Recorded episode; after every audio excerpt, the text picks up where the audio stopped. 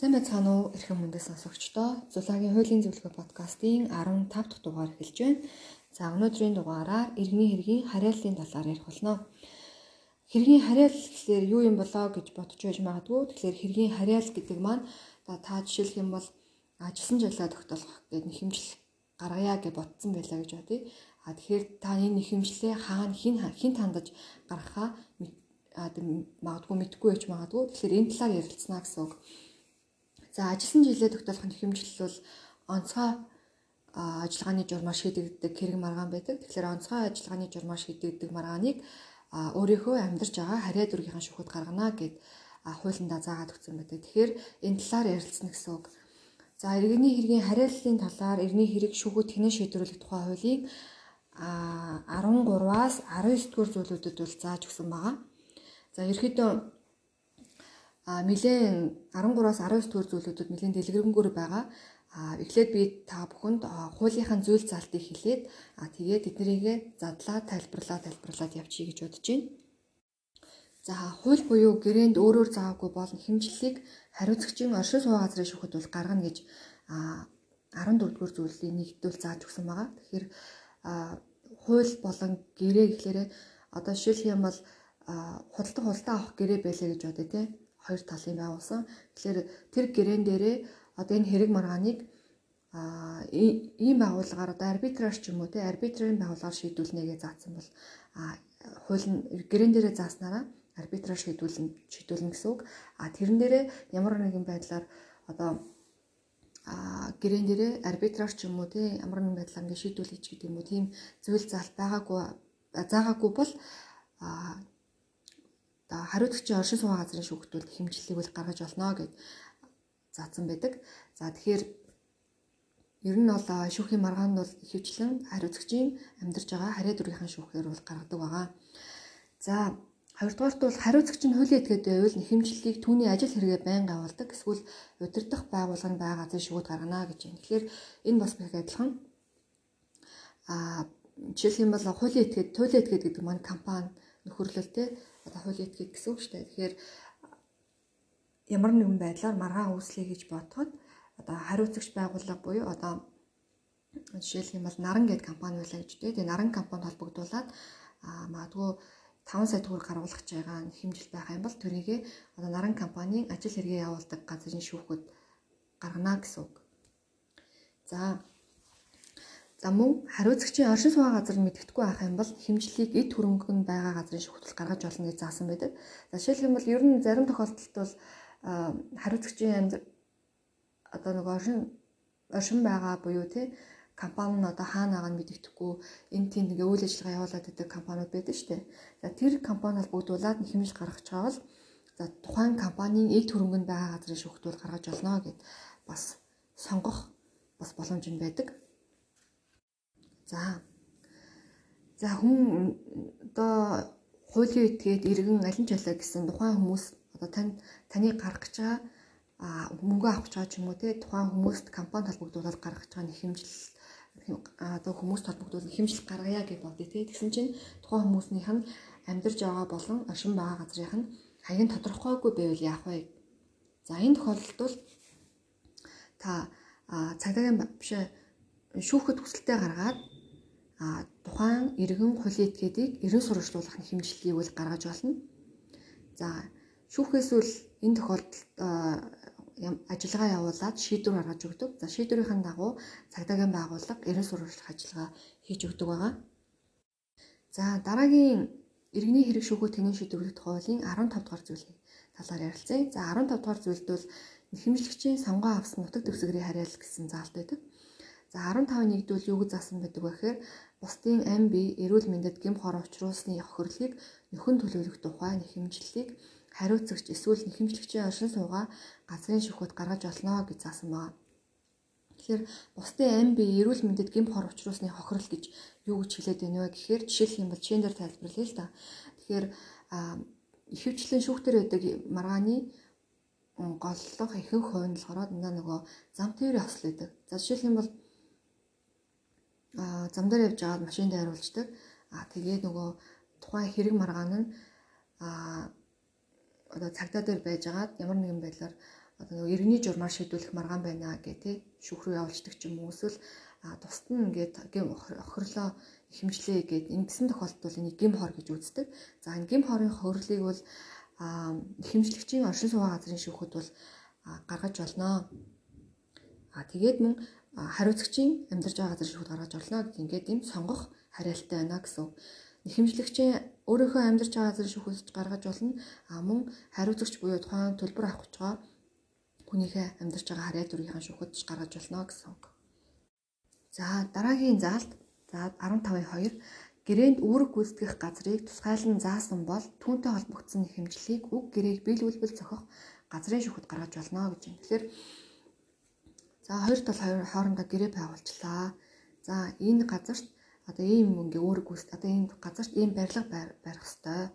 За гэд гэрээндээ тусгацсан байлаа гэж үтэй тий. За тэгэхээр а одоо ямар нэгэн маргаан гарлаа гэхээр одоо ийм маргаантай байх юм бол уг гэрээг биелүүлэл зохиох газрын шууд гаргаж болно гэж. Тэгэхээр яг одоо нөгөө тухайн үүрэг гүйцэтгэх газар нь юу гэж заасан бэ? Тэр газрынх нь харьяа дүргийн шүүхэд гаргана гэсэн үг. За 15-ын 3. За өөр өөр газар оршин суугаа хэд хэдэн хариуцагч толбогдох хэмжлэлийг Ихэмжлэгч өөрийн үзмжээр хариуцагчдын аль нэгний оршин суугаа газрын шүүхэд гаргана гэж байна. За жишээлх юм бол та хоёр хүн толбогдуулаад хэмжил гаргацсан байлаа гэж бодъё те. Нараа, сараа гэд. За нараа баян зүрх дүүрэгт амьдардаг, сараа баян гол дүүрэгт амьдардаг байлаа гэж бодъё те.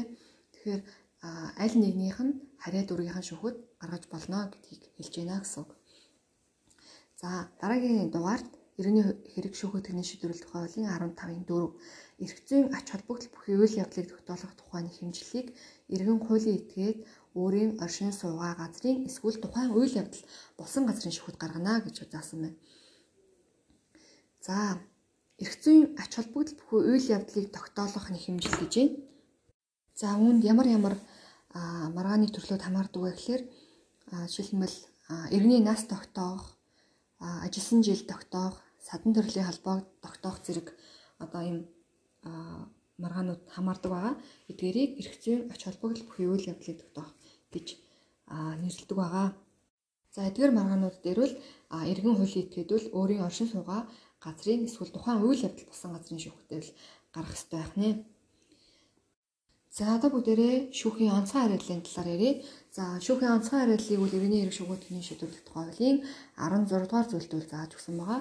За 16-гийн нэгт бол 16-гийн нэгт үл хөдлөх эд хөрөнгөтэй холбоотой буюу эд хөрөнгийн битүүмжлэлийг нээлгэх тухайн хэмжлэлийг тухайн эд хөрөнгө байгаа газрын шүүхэд гаргана гэж заасан байгаа. Тэгэхээр үл хөдлөх эд хөрөнгөтэй холбоотой нэг хэмжлэлийг мөн эд хөрөнгийн битүүмжлэлийг нээлгэх тухайн хэмжлэлийг бол тухайн эд хөрөнгө байгаа газрын шүүхт бол гаргах нь байна.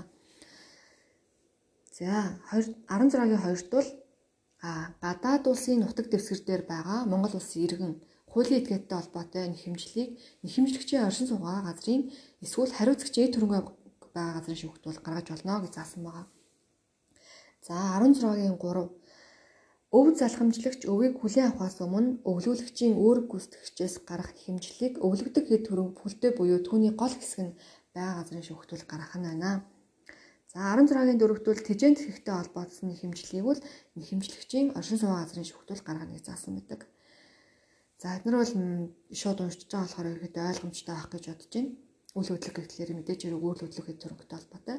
За мэдээ гадаад улсын нутаг дэвсгэрт байгаа Монгол улсын иргэнтэй холбоотой нэхэмжлэлийг нэхэмжлэгчийн нэхэмжлэгч гэдэг маань одоо нэхэмжил гаргаж байгаа. Жишээлх юм бол би хүнээс мөнгө авах гээд байгаа бол би өөрөө нэхэмжлэгч болж байгаа байхгүй юу? Тухайн одоо мөнгө өгөх хүн нь бол хариуцагч гэсэн. Тэгэхээр нэхэмжлэгч буюу би өөрийнхөө оршин суугаа газрынхаа эсвэл одоо хариуцагчийн одоо эд хөрөнгө байгаа газрын шүүхт нь бол гаргаж болно гэсэн үг. За дараагийн дугаарт бол иргэний хэрэг шүүхөд тэний шийдвэрлэх хуулийн 17 дугаар зүйл байгаа. За энэ 17 дугаар зүйлд бол юу гэж ямар заалт байдаг вэ гэхээр хоорондоо холбоотой хит хитний хэргийн шүүхийн хариаллын талаар зааж өгсөн байгаа. За энэ дээр нөгөө нэг жишээлх юм бол 17-гийн нэгт бол гэмт хэрэг үйлдэгдснээс үүссэн хохирлын талаарх хэмжлэлийг эрүүгийн хэрэгтэй хамт шийдвэрлэгддэг. За Хэрвээ эрүүгийн хэрэгтэй хамт шийдвэрлэгээгүй бол уг хэмжлийг хуульд заасан журам хариаллын дагуу бол гарах ёстой байдаг. За 17-гийн 3-т бол эрүүгийн хэргийн улмаас учирсан хохирлыг нөхөн төлөвтэй холбогдсон маргааныг эрүүгийн хэргийн шийдвэрлэгдээгөө байхад бол иргэний журмаар бол хилцдэг байгаа. За зарим нөгөө эрүүг эрэг чинь нөгөө иргэний журмаар жижигтэй нэхэмжилж гэдэг юм уу те? Эсвэл нөгөө зарим одоо нэг эрүүгийн хэргийн хохирогч болсон. Одоо жишээлбэл зам тээврийн осол гэж байлаа гэж бодъё л да. Зам тээврийн осол төр а одоо одоо нэг эрүүгийн хэргийн шүүх хөрөл бол одоо болоод өнгөрчдөг а тухайн нөгөө нэг хурал дээрээ одоо өөрийнхөө дэмжлэгээ хэлгсэн төлбөр мөнгө янз бүрийнхаа баримтыг нь гаргаж өгч амжаагүй байжгаад одоо дутуу төлбөр мөнгө аваад эрүүгийн хэрэг ингээд шийдвүлээ дуусгах дуусгацсан гэж бодъё те. Тэгэхээр дараа нөгөө нэг имчилгээ хэлгсэн янз бүрийнхаа баримтыг цуглуулж агаад а гим хорийн хохирлоор одоо хэмжлэл дахиад иргэний журмаар бол гаргаж болдог байгаа. Энийг хэлээд байна гэсэн үг. За дараагийн дугаард иргэний хэрэг шүүхөө таньшаа төрүүлэх хуулийн 18 дугаар зүйл. За хариаллыг өөрчлөх гэдэг байна. За 18-нд юу гэж заасан бэ гэхээр хэргийн нутаг дэвсгэрийн хариаллыг зохиогч хилцэн өөрчилж болно гэж. За тэгэхээр зохиогч гэдэг маань нэхэмжлэгч хариуцагч буюу одоо хэргийн оролцогчдыг бүгднийг хамруулж хэлж байгаа гэсэн. Бол би хүнээс одоо 5 сая төгрөг авъя гэд шүүхэд нэхэмжил гаргалаа гэж үдэ тий. Тэгэхээр би хариуцагч буюу мөнгө авах гэж байгаа хүнтэйгээ тохиролцоод одоо хэргийнхаа хариаллыг би Баянзүрх дүүргийн шүүхээр шийдвэрлэх гэжсэн бол тухайн хүнтэйгээ ярилцчаад аа Баянголын шүүхээр шийдвэрлэе гэд одоо зохиогч хилцэн өөрчилж болно гэж тий. Энэ зүйл залтыг ашиглаад бит хоёр Баянголын шүүхээр хэрэг маргаанаа бас шийдвэрлэх болох нь байна гэсэн үг. Аа за За өөрчилж болдгоо хэргийн хариал гэж байдаг. Тэгэхээр эртний хэрэг шүүгөө тэнэ шийдвэрлэх хуулийн 16 дугаар зүйл заасан шүүхийн онцгой хариаллыг зөвхөгч хилцэн өөрчилж болдгоо байгаа. За 16 дугаар зүйлд бол би нэг ярьсан шүү дээ. Үйл хөдлөлийн төрөнгөтэй холбоотой буюу эд төрөнгийн битүүмжлэг нэлэх тухайн хэмжлэл гадаад улсын нэгдүгээр нэвтрэг зүтгэр дээр байгаа иргэн хуулийн этгээтэй холбоотой хэмжлэл өв залхамжлагчийг үгийг хүлээн авахаас өмнө өлөөлөгчийн өөрийг хүсдэгчээс гаргах хэмжлэлгээ тийм энэ шүүхийн онцгой хариаллыг бол одоо хоорондоо тохиролцоод өөрчилж болдгоо байх нэ. За дараагийн дугаард иргэний хэрэг шүүхөө тэнэн шийдвэрлэх тухай хуулийн 19 дугаар зүйлийн талаар ярилцъя. За 19 дугаар зүйлд бол хэргийг хянан шийдвэрлэх шүүхийн хариаллын талаар бол заасан байгаа. За тэгэхээр Монгол улсад бол анхан давзаалдах хяналтын гэсэн гурван шатны шүүх байдаг. За анхан шатны шүүхийг ямар ямар шүүх байдаг вэ гэдгийг бол энэ дээр зааж өгсөн байна. За 19-ийн нэгт бол сум буюу сум дундын дүүргийн шүүх, иргэний бүх хэргийн анхан шатны дүүргийн бүх хэргийг анхан шатны журмаар шийдвэрлэнэ. За жишээлх юм бол сум буюу сум дундын дүүргийн шүүх бол иргэний хэргийг анхан шатны журмаар шийдвэрлэдэг байх нь. За энэ бол анхан шатны шүүхийг шүүхийн одоо нөгөө хариал байх нь. За давцаалтчны шүүх гэж юу гэж хэлээд байгаа юм бэ? Давцаалтчны шүүх хаана байдгийг бэ гэж асууж магадгүй те. Тэгэхээр нийслэлийн хувьд гэх юм бол Улаанбаатар хотын хувьд гэх юм бол нийслэлийн шүүх гэдээ байгаа. Тусдаа Тэнгис кино театрын урд байдаг. За энэ бол давцаалтчны шүүх байгаа. За аймагт бол бас мөн давцаалтчны шүүх байдаг. За За 3 дугаарт нь улсын дэвж өгөхөл а яг юуныхаа Тэнгис Гадаа театрын бас урталт нь давхын шүгэхээ яг хойхон талд нь байрлаж идэг дэвж өгөх гээд байгаа. За улсын дэвж өгөх бол эртний хэргийг хяналтын журмаар шийддэг байгаа. Хамгийн сүүлийн шатны шүүх гэсэн үг. За ийм байгаа. За энэ түрээд ерөөдөө хариаллын талаар ярилцчихлаа та бүхэнд нэмж тодруулах асуух асуулт байх юм бол бидэнтэй холбогдоорой. За манайх онлайнаар болон бичлэн хуулийн зөвлөгөө өмгөөллийн үйлчилгээ үзүүлдэг байгууллага байгаа. За та бүхэн хуулийн зөвлөгөө өмгөөллийн үйлчилгээ гэд хайгаад орох юм бол байгаа. За намайг би өөрөө анхшны шүүхтүү шүүгчийн туслахаар 6 жил ажилласан. За жигүүр гарантийн хуулийн зөвлөхөөр бол өмнө бас хуулийн зөвлөхөр ажиллаж байсан жил гарын хугацаанд. Сүүлд нь өмгөөлөл хийж агаад одоо би чек улсад үл ажиллаж амьдардаг хүн байгаа. За тэгэхээр та бүхэнд хэрэгтэй мэдээлэл байсан бол дэч хэрэг лайк дараарай, subscribe дараарай. За дээрэс нь бидэнтэй холбогдох утасны дугаар 9400 0922. Тэгээ золзоо яг гэдэг мгөлөгч байгаа. Манай Монгол дахь одоо мгөллийг хариуцсан хуульч мгөлөгч юм байгаа. За би өөрөө Чех улсад амьдардаг учраас онлайнаар хуулийн зөвлөгөө өгдөг. За мөн миний утасны дугаар 773 746 162 гэдэг утасны дугаартай. Аа за тэгээд мэдээч хэрэг а хувь чадвар холбогдох юм бол ган хуйгийн ариун зул гэд бичээд хайх юм бол гараад ирнэ. За энэ түргээд өнөөдрийнхөө подкастыг өндөрлж байна. За тэгээд та бүхэн хэрэг одоо ямар нэг юм ямар сэдвээр подкаст хийлгэмээр байна. Тэр талаараа бас бидэнтэй санал хүсэлтээ хуваалцаарай. За энэ түрээд өндөрлж байна. Манай подкаст. За ингээд түр баяртай баярлалаа.